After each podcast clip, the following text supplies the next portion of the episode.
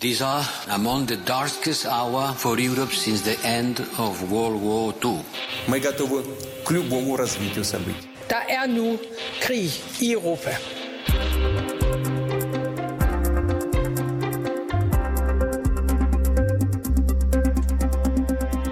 Sortehavet. Det er 450.000 kvadratkilometer store hav ud for Ukraines sydlige kyst, har fået en afgørende rolle i krigen. Sortehavet har Europa mod nordvest, Rusland mod øst og Tyrkiet mod syd. Og det er jo også i Sortehavet, at den omstridte Krimhalø ligger. Det samme gør i øvrigt Slangeøen, der også er blevet et stridspunkt i den nuværende konflikt. Siden invasionens dag 1 har der været kampe om øen. Rusland har af flere omgange forsøgt at forstærke militæret i området, mens Ukraine har lavet droneangreb mod øen. Også langs Ukraines kyst forsøger russerne at afskære deres modstander fuldstændig.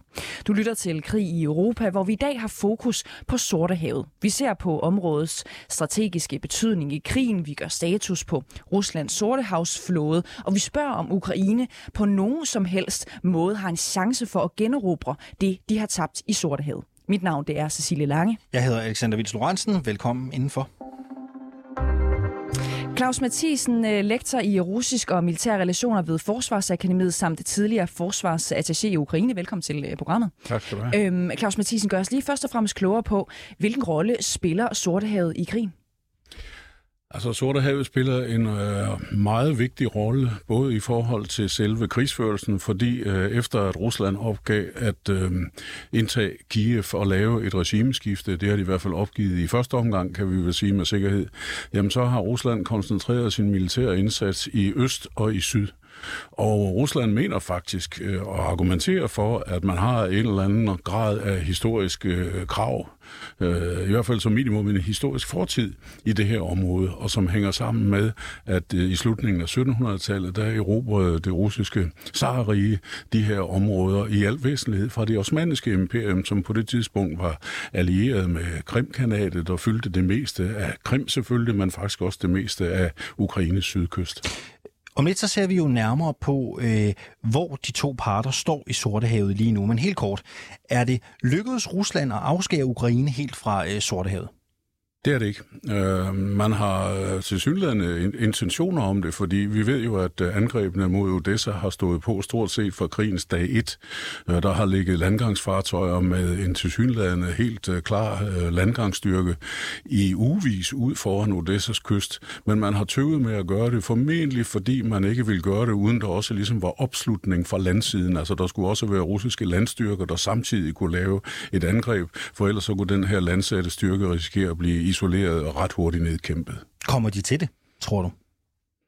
Det ser svært ud. Øh, jeg tror sådan set stadigvæk, intentionen er der. Jeg tror som også planen er der. Øh, man har jo også øh, luftet tanken om at føre krigen helt over til i hvert fald som minimum Transnistrien, måske ind i Moldova, som ligger vest for Transnistrien. Så derfor så synes jeg ikke, man kan udelukke noget, men hvis vi vurderer den russiske militære succes, som den har set ud indtil nu, så ser det ikke så overbevisende ud. Men det kan jo ændre sig, måske. Og lad os lige prøve at øh, køre det tankeeksperiment igennem. Øh, hvor ondt ville det gøre på Ukraine, hvis øh, det sker, og det lykkedes Rusland at afskære Ukraine fra Sortehavet? Det vil gøre rigtig ondt. Det har gjort ondt på Ukraine at miste Mariupol, for det er vel nærmest det, der er ved at være en kendskærning i de her dage netop. Og det har selvfølgelig gjort umådeligt ondt at måtte give afkald på Krim. Det skete så helt tilbage i 2014. Men hvis man også må give afkald på Odessa, så er Ukraines adgang til Sortehavet reelt øh, ikke eksisterende, og det vil udfordre øh, ukrainsk økonomi, og der er selvfølgelig også et enormt prestigetab forbundet med det.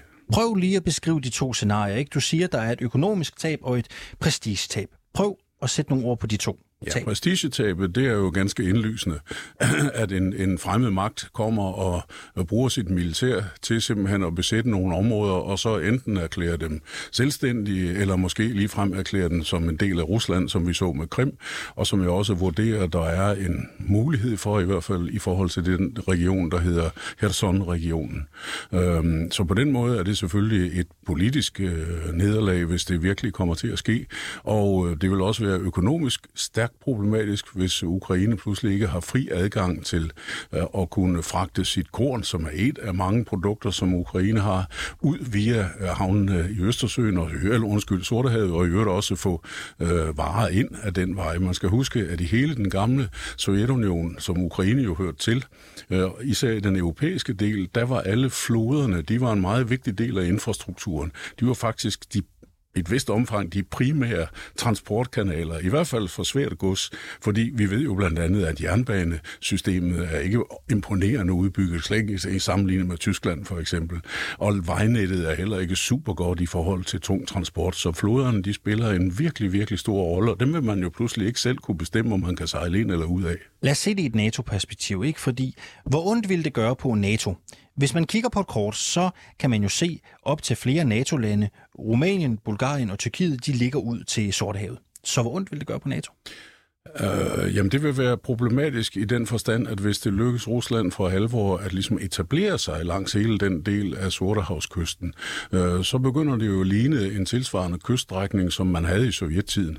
Der havde man så godt nok også Moldova med, og man havde også øh, Georgien med, men ikke desto mindre, så har Rusland i hvert fald som minimum mere end fordoblet sin kyststrækning ved Sortehavet. Lige nu i hvert fald øh, formelt, øh, så har Rusland kun den strækning, der ligger over på Sortehavets nord- nordøstkyst, og hvor hovedbyen hedder Novorossiysk.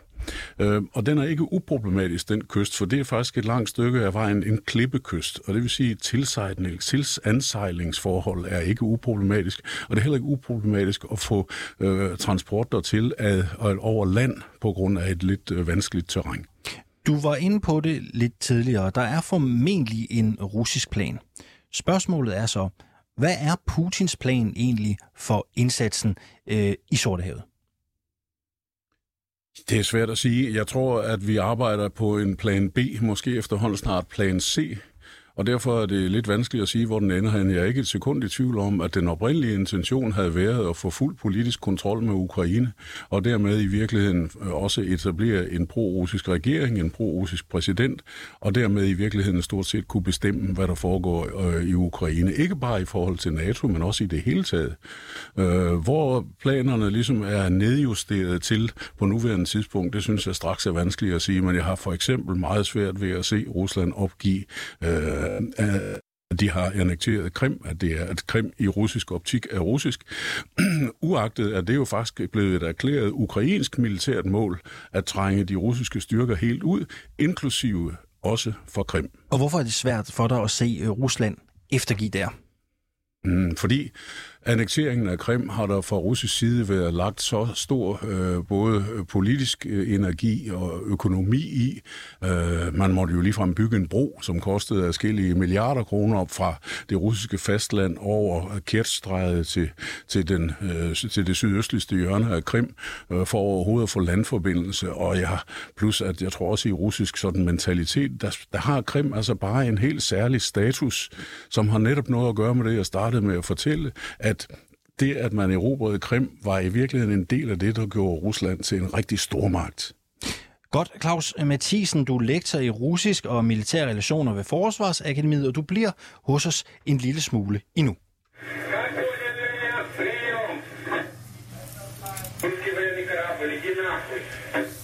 Ja, jeg er et russisk krigsskib, og jeg foreslår, at I overgiver jer, da I ellers vil blive beskudt, lød det altså i Sortehed i slutningen af februar måned. Modsvaret fra ukrainske styrker kom efter et par sekunder. Det lød sådan her. Russisk krigsskib, go fuck yourself. Øh, ukrainske soldater nægtede nemlig at overgive sig, da det russiske krigsskib øh, Moskva øh, angreb øen øh, Smytny, der er bedre kendt som, som Slangeøen, altså i Sortehavet. Angrebet blev dog øh, gennemført, og russerne fik kontrol, men ifølge britiske efterretninger, så er der fortsat kampe mellem ukrainerne og russerne omkring Slangeøen. Nu kan vi også byde velkommen til dig, Jens Wenzel Kristoffersen. Øh, velkommen til Krig Europa. Tak. Du er overlovskaptajn, og så er du militæranalytiker ved Center for Militære Studier, der hører ind under øh, Københavns Universitet. Hvordan ser billedet egentlig ud lige nu? Altså har russerne fortsat taget om Slangeøen? Det tror jeg fortsat, de har.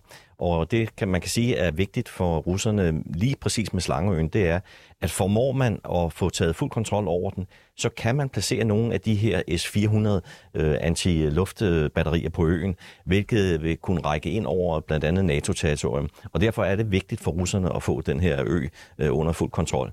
Men der er øh, kampe fortsat øh, omkring den. Ukrainerne er stadigvæk i stand til at slå igen, øh, og så det bliver ganske spændende at se. Hvordan, hvordan ser de her kampe ud? Jamen altså, øh, det sidste jeg har set, det er en, en, en helikopter blev skudt ned der, simpelthen øh, mens den var ved at, at tage af fra selve Ukraine, og det, det, det er jo et problem, at russerne ikke øh, kan simpelthen få fodfæste på øen i tilstrækkelig grad til at kunne placere de her formentlige S-400-batterier, som de vil sætte over på den. Mm.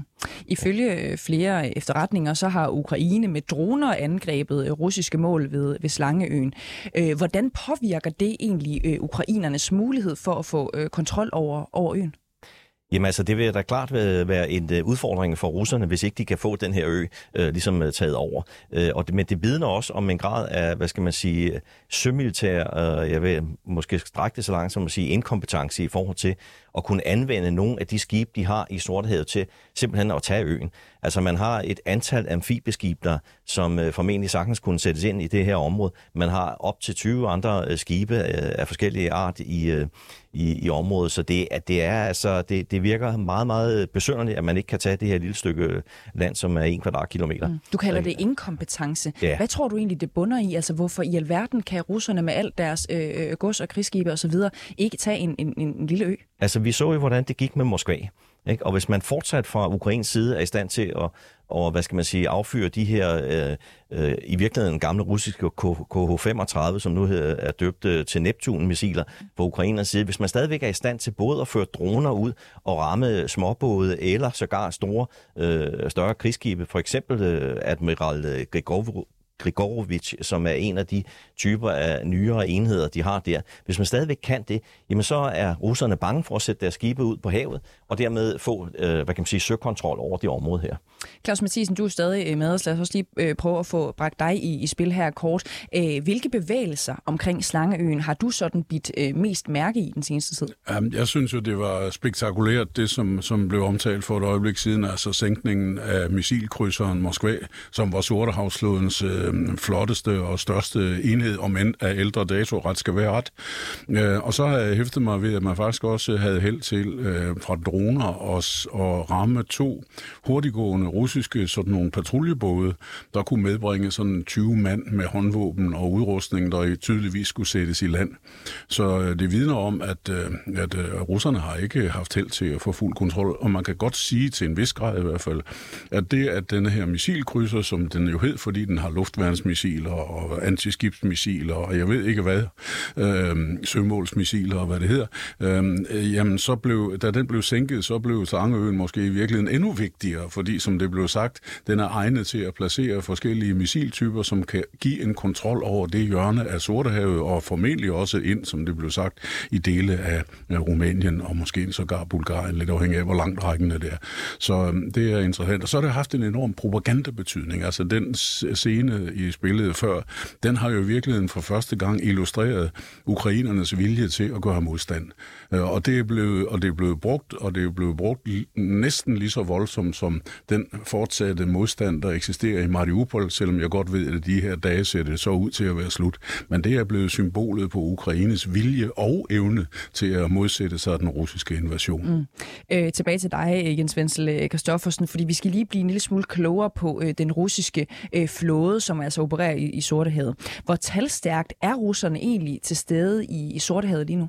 Ja, altså de oplysninger, jeg har, det er, at der skulle være omkring 20 øh, hvad kan man sige, kapable krigsskibe i området. Herunder et antal øh, ubåde af, af kiloklassen. Og de her skibe, sammen med de nyere Admiral Grigorovic-klassen, øh, har de her kalibermissiler ombord, som er langtrækkende øh, hvad hedder det, krydsermissiler, som kan ramme ind i ukrainske territorium, næsten hvor som helst det skal være i hele Ukraine. Og det, så længe de kan få genforsynet såvel ubådene som de her øh, fregatter, øh, som kan affyre de her missiler, så er det vigtigt for dem at have det her. Men der er jo lige så meget øh, et er endnu mere interessant aspekt af det. Sortehavet er vigtigt for russerne, fordi man skal også kunne komme ud.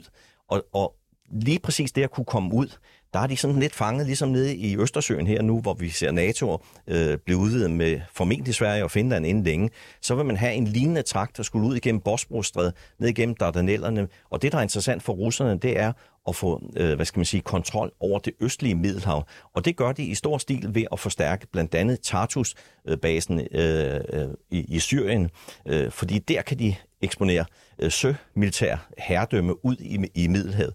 Øh, så derfor er Sortehavet vigtigt for netop, at russerne kan komme ud øh, og simpelthen have en vis form for kontrol over det østlige øh, Middelhav. Mm. Og nu var du også lige inde på det øh, tidligere, altså den russiske flåde har jo lidt nogle nederlag øh, under krigen, kan vi vist godt være, være ærlige og sige, at krigsskibet Moskva har været inde på er blevet øh, sænket, øh, og der har været historier om, at øh, øh, andre mindre flådefartøjer er blevet skudt øh, ned simpelthen af ukrainske droner. Øh, så hvad har russerne egentlig øh, tilbage i, i, i Sortehavet lige nu, som rent faktisk kan bidrage til øh, den russiske øh, plan? Jamen, som jeg sagde før, de har ubåde, og de har fregatter. Mm. Og, og dem kan de stadigvæk projektere ind. Men hvis man eksempelvis skal lave en landgang øh, omkring Odessa, som vi talte om før, øh, som Claus ganske øh, vigtigt pointeret, så skal der noget helt andet kraft til, hvis man skal lave sådan en amfibieøvelse. Man skal have luftstøtte, man skal have nedkæmpet de ukrainske øh, hvad kan man sige, modstandslinjer øh, omkring Odessa, man skal have fjernet minerne inde på strandene, inden amfibiefartøjerne kan komme ind. Og det er russerne simpelthen ikke i stand til for øjeblikket. Mm. Så det kan godt være, at man kan sende fregatter og ubåde ind og blive ved med at fyre kalibermissiler ind mod Ukraine, men det hjælper bare ikke omkring problematikken omkring Odessa, for der skal man simpelthen have en landsætning ind. Og så længe at offensiven øh, øh op omkring Mykolaiv bliver holdt tilbage og ned mod Kherson af ukrainske øh, styrker, så kan man ikke få flyttet øh, flere russiske styrker over og lave sådan en omringningsmanøvre, som man forsøgte op ved Kiev. Det kan man ikke gøre omkring Odessa. Man kan heller ikke komme ind fra landsiden, fordi man er simpelthen ikke i stand til at landsætte med amfibiefartøjer, fordi man har ikke herredømmet der. Nej, og russerne har lidt øh, nogle nederlag, kan vi sagtens øh, konstatere. På den anden side kunne man måske øh, sige, at ukrainerne måske har fat i, i et eller andet, i nogle tilfælde i hvert fald. Prøv lige at sætte nogle ord på, øh, hvordan det lykkes ukrainerne øh, at forsvare sig mod, og måske også altså ligefrem øh, angribe øh, den russiske flåde.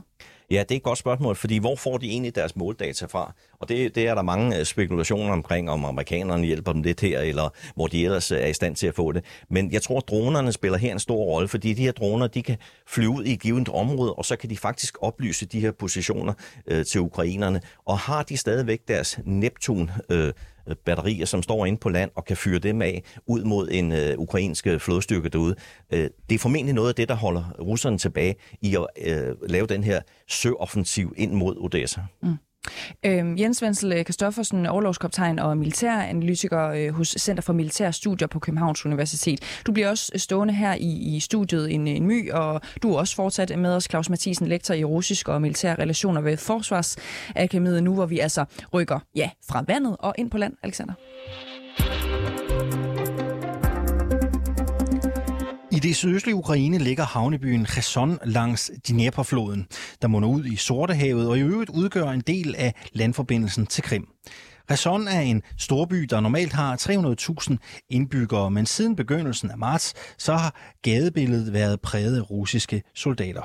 Kherson er nemlig under russisk kontrol, og nu vil den pro-russiske leder i byen knytte Kherson til Rusland.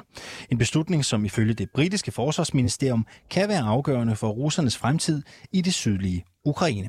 Øh, Claus Mathisen, vi starter hos dig. Er du enig i, at det kan være afgørende for den russiske invasion, hvis Kherson blev russisk? Ja, det ved jeg ikke, øh, om jeg synes, øh, fordi i den sidste ende kommer det jo an på, om ukrainerne militært er i stand til at øh, trænge dem væk derfra igen. Der er i hvert fald i, mit, øh, i min optik ingen tvivl om, at Ukraine kommer aldrig nogensinde til at anerkende det her område som russisk, lige så lidt som de har anerkendt Krim som russisk. Og det tror jeg sådan set heller ikke, hovedparten af verdenssamfundet vil. Så kan russerne mene, det er russisk, hvis det er. Men, øh, men, men, men det, er jo ikke, det er jo ikke en realitet på jorden i, i, i sådan så tydelig grad. Og jeg skal måske bare kort forklare, hvorfor det område er så vigtigt mm. øh, for, for russerne. Det hænger simpelthen sammen med vandforsyningen på Krim primært. Fordi det er sådan, at især det nordlige og det østlige Krim, der er der meget, meget langt ned til grundvand, hvis man overhovedet kan finde noget. Øh, og derfor byggede man i 60'erne faktisk en kanal fra Dnieperfloden ned til det nordøstlige Krim på en cirka 400 km længde dengang, der sidenhen kom nogle forgreninger til, og som leverer ferskvand altså drikkevand og vand til vanding af, af, af, af markerne dernede, sådan, så man kan dyrke jorden. Og uden, den vand, uden det vand var man faktisk lidt på spanden. Og i 2014, da Rusland annekterede Krim, der var det en af de ting, som ukrainerne gjorde som, skal vi sige, som straf, det var, at de lukkede den der kanal. Og det har været en udfordring lige siden. Det var også noget af det første, russerne gjorde i slutningen af februar. Det var at sørge for at komme hurtigt frem til Kherson og få åbnet den der kanal, for det har været en udfordring lige siden. Russerne de har øh, allerede kontrol med området. Hvorfor er det afgørende for Rusland, om der bliver foretaget eksempelvis en folkeafstemning? Ja, altså russerne håber måske med den der afstemning at vise, måske lige frem bevise, at der i befolkningen dernede er et pro-russisk flertal, som ønsker at være med, eller være, være, øh, i hvert fald ikke være en del af Ukraine, og måske sågar være en del af Rusland via en anknytning til Krim måske. Øhm, ja, det er nok et højst tvivlsomt øh, tilfælde, fordi øh, i gennemsnit i hele det sydlige og østlige af Ukraine, der er der faktisk omkring 80 procent af befolkningen, der er ukrainer, og det er kun 20 procent, der er russere. Og man i Herson kan, øh, om man siger, mobilisere et flertal, det er jeg i tvivl om i virkelighedens verden, men stemmesedler er jo taknemmelige. Ja, hvad betyder det, når du siger det? Jamen det betyder, at man kan jo øh, få det resultat, man ønsker. Altså det er jo velkendt, øh, jeg behøver ikke at citere Stalin igen igen. Som det gør du bare, du skal være Jamen altså resultatet af et valg afhænger ikke af, hvordan der stemmes, men af hvem der tæller stemmerne. Så det kan man fuske sig til? Det kan man. Ja. Vil det her i yderste tilfælde kunne resultere i, at Kherson får samme status som Krimhaløen? Det kunne det godt. Det er en af optionerne. Man kan også forestille sig, at man bare øh, laver den som en selvbestaltet republik i lighed med den status, de områder, vi har talt om i Østukraine, har haft indtil krigen startede. Ja, det er også en mulighed, men som sagt, anknytningen til Krim vil være logisk på mange måder, og så vil det også gøre, at så bliver de faktisk i russisk optik en del af Rusland, med det, det nu indebærer.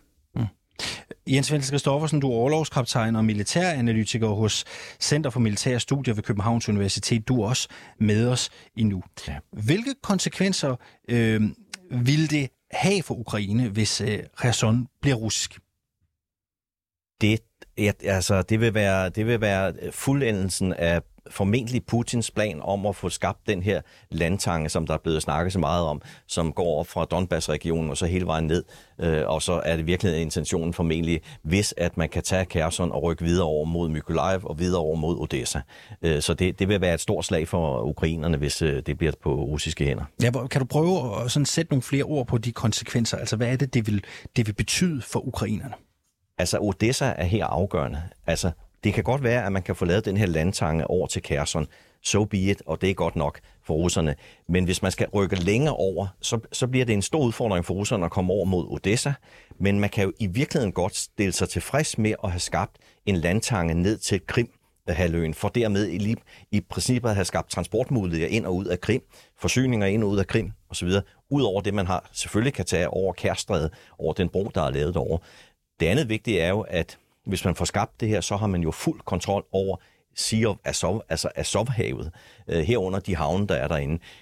Om det har så stor en praktisk betydning, så længe man ikke har Odessa, det er jeg stærkt i tvivl om, fordi Sea of Azov, er, altså Azov-havet, det er meget lavt. Man kan kun sejle derind med cirka skibe, der har en dybgang på cirka 7 meter, hvor Odessa kan tage helt op til 11-14 meter eller noget af den stil. Og hvor stort et område vil vi tale om her? Altså... Jamen, jamen øh, selve Azovhavet, det er jo på størrelse med kan du det, Claus? Øh, husk det. Ikke altså, i det, kvadratkilometer. Nej, men det er noget med 400, 440 kvadratkilometer stor, så vidt jeg lige husker. Øh, og det er jo et betydeligt område, fordi man, man øh, ved, ved at have taget den der landtange, der har man jo simpelthen kontrol over de, jeg tror, der er op til fire søhavne deroppe. Og det vil, mm. det vil sige, at man kan jo ikke fra Ukrains side få noget ud eller ind der, så længe det er besat af russisk. Derfor er det vigtigt for Ukra- utrolig vigtigt for ukrainerne at holde Odessa. Er der noget det, vi ser ske i Rason. øhm, er, er det noget, som russerne kunne have interesse i at videreføre til andre byer langs Sortehavets øh, kyst? Det har I lidt været inde på, Claus. Jamen, det tror jeg da bestemt, for det er jo en modus operandi, som vi har set øh, for eksempel på Krim, og i et eller andet omfang også i de øh, re, små republikker, i, eller fantomrepublikker i Øst-Ukraine. Og øh, øh jeg kunne sagtens forestille mig, at hvis russerne får fodfæste, så er det den fremgangsmåde, de vil anvende. Til gengæld er der meget, der tyder på, at det bliver svært, for der er virkelig lokal modstand Øh, man har sågar rapporter om forskellige former for guerillaaktiviteter, om det ligefrem er, at man ligger på lur med våben og skyder og den slags ting. Det ved ikke, men sådan forskellige plakater, der bliver sat op i protest, øh, demonstrationer mod den russiske besættelsesmagt osv. osv. osv. Så det bliver ingen dans på roser for russerne, det her. Hvad bliver det for russerne så, hvis det ikke bliver en dans? Så bliver det en benhård undertrykkelse, hvor en besættelsesstyrke, dels militær, dels med den russiske nationalgarde Rosgvardia, vil skulle øh, behandle befolkningen endnu værre, end de behandler den hjemme i Rusland, og det siger ikke så lidt. Nej, hvad betyder det? Jamen det betyder, at man vil slå hårdt ned på enhver form for tilløb til, til demonstrationer, ligesom vi ser det i Rusland. Altså hvis jeg ønskede at stille mig op på den røde plads med en seddel, hvor der ingenting stod på, så kunne jeg ikke engang nå at folde den ud, før jeg sad i et salatfad, og det vil være endnu værre dernede.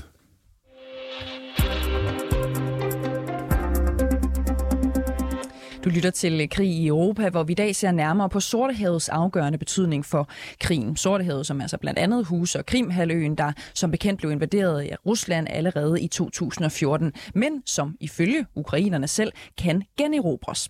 Nu kommer der lige et citat. Inden årets udgang har Ukraine slået Rusland tilbage fra sit territorium og vundet den igangværende krig. Sådan lød det lørdag aften fra den ukrainske efterretningschef generalmajor øh, Kyrolo Budanov i et øh, interview med britiske Sky News. Og her taler han altså ikke bare om, at russerne skal skubbes tilbage fra den igangværende krig, men også om, at Ukraine får Krimhaløen tilbage. Øh, Jens Wenzel øh, Kristoffersen, øh, virker det sandsynligt? Nej, det må jeg sige, det gør det ikke. Men der, der kan jo ske øh, øh uforudsigelige ting, og og man kunne jo forestille sig det scenarie, at øh, hvis, hvis det lykkes ukrainerne at få skubbet russerne ud af Lukansk og Donetsk, altså Donbass-regionen, så kunne man jo godt forestille sig det scenarie, at man, det så også lykkes dem at få virkelig skubbet dem ud af kærsen. Men som for øjeblikket, det vi ser for øjeblikket, der er det sådan en form for sådan en, en stillingskrig, hvor man ikke gør nogen som helst øh, fremskridt øh, af betydning op i de her øh, to nævnte hvad skal man sige, regioner, Lukansk og Donetsk. Og så længe der ikke kommer fremskridt derop, så er jeg også tager stærkt tvivl øh, som over for russernes evne overhovedet til at føre øh, kampagnen videre øh, mm. ud af Kherson. Øh, Claus Mathisen, der kommer lige citat øh, mere her. Resultatet bliver, at vi igen får kontrol over alle vores territorier, som vi har tabt. Det siger altså efterretningschefen. Øh, hvor stor en opgave tror du, det vil være at få generobret øh, Krimhaløen, som altså har været øh, øh, annekteret siden 2014? Jamen, jeg er enig i vurderingen, at det er nok et meget ambitiøst mål i hvert fald, og det vil være svært alene af militær mm, taktiske årsager, fordi forbindelsen til Krim foregår over et par relativt smalle landtanger, og Ukraine har ikke nogen nævneværdig flåde tilbage. Den blev mere eller mindre udslettet i 2014, hvor den jo i øvrigt, øh, skylder vil jeg sige, lå øh, side om side med den russiske sortehavsflåde i havnen i Sevastopol, fordi der boede russerne til leje der.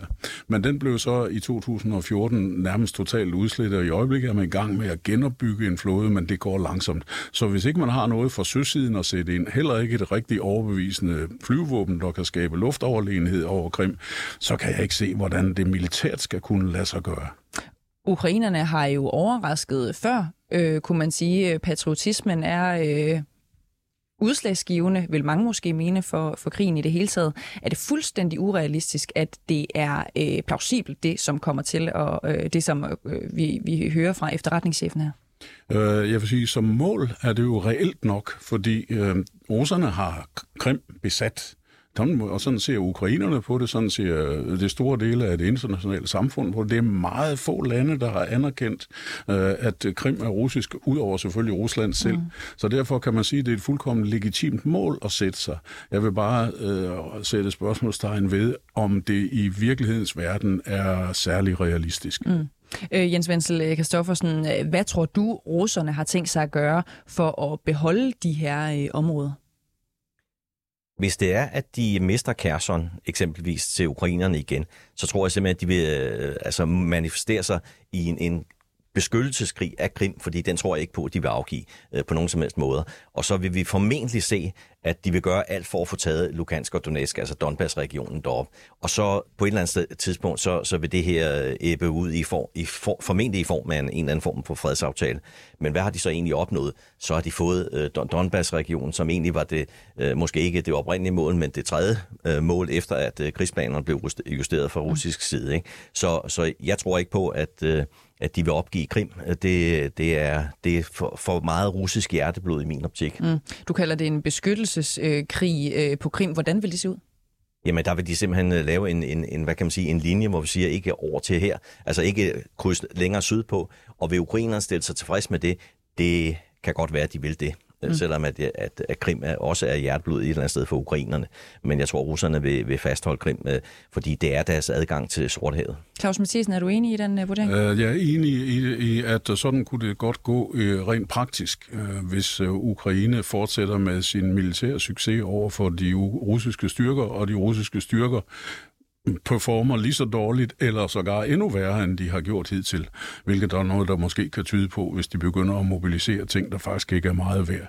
Men jeg er ikke, der, der er kun et lille enkelt ord, jeg vil angribe, det er ordet fredsaftale. For jeg tror faktisk ikke, der bliver nogen fredsaftale. For jeg tror ikke, Ukraine vil anerkende, at Krim er russisk. Så skal det i hvert fald være på betingelse af, sådan, og det er noget, jeg siger bare ud af mit eget hoved, jeg har ikke talt med ukrainerne om det, at man siger, jamen okay, vi anerkender, Krim er russisk, Resten af Ukraine er ukrainsk og må i øvrigt gøre, hvad de vil. Ikke noget med nogen påtvungen neutralitetsstatus eller noget som helst. Mm. Helt kort øh, her til sidst, øh, Claus Mathisen. Hvad skal vi holde allermest øh, øje med i Sortehavet den, den kommende tid? Jamen, vi skal holde øje med, synes jeg, hvad sker der i Kherson, hvad sker der øh, i retning af Odessa.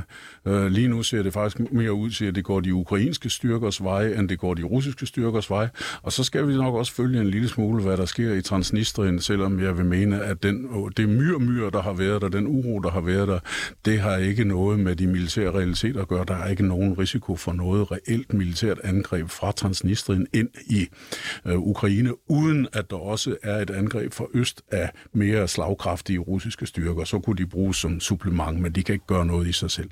Claus Mathisen, lektor i russisk og militære relationer ved Forsvarsakademiet og tidligere forsvarsattaché i Ukraine. Øh, tak fordi du var med øh, her til øh, morgen, og det samme til dig, Jens Wenzel Christoffersen, overlovskaptajn og militæranalytiker hos Center for Militære Studier hos Københavns Universitet. Du har lyttet til Krig i Europa. I redaktionen sidder Sofie Ørts, Oliver Bernsen og Christine Randa. Jeg hedder Alexander Vils Lorentzen. Og jeg hedder Cecilie Lange. Og husk, at hvis øh, du kunne lide det, du øh, lyttede til her, så kan du finde alle vores øh, udsendelser i 24-7-appen eller i den podcast-app, som du foretrækker. Du kan selvfølgelig også lytte med hver dag live i radioen.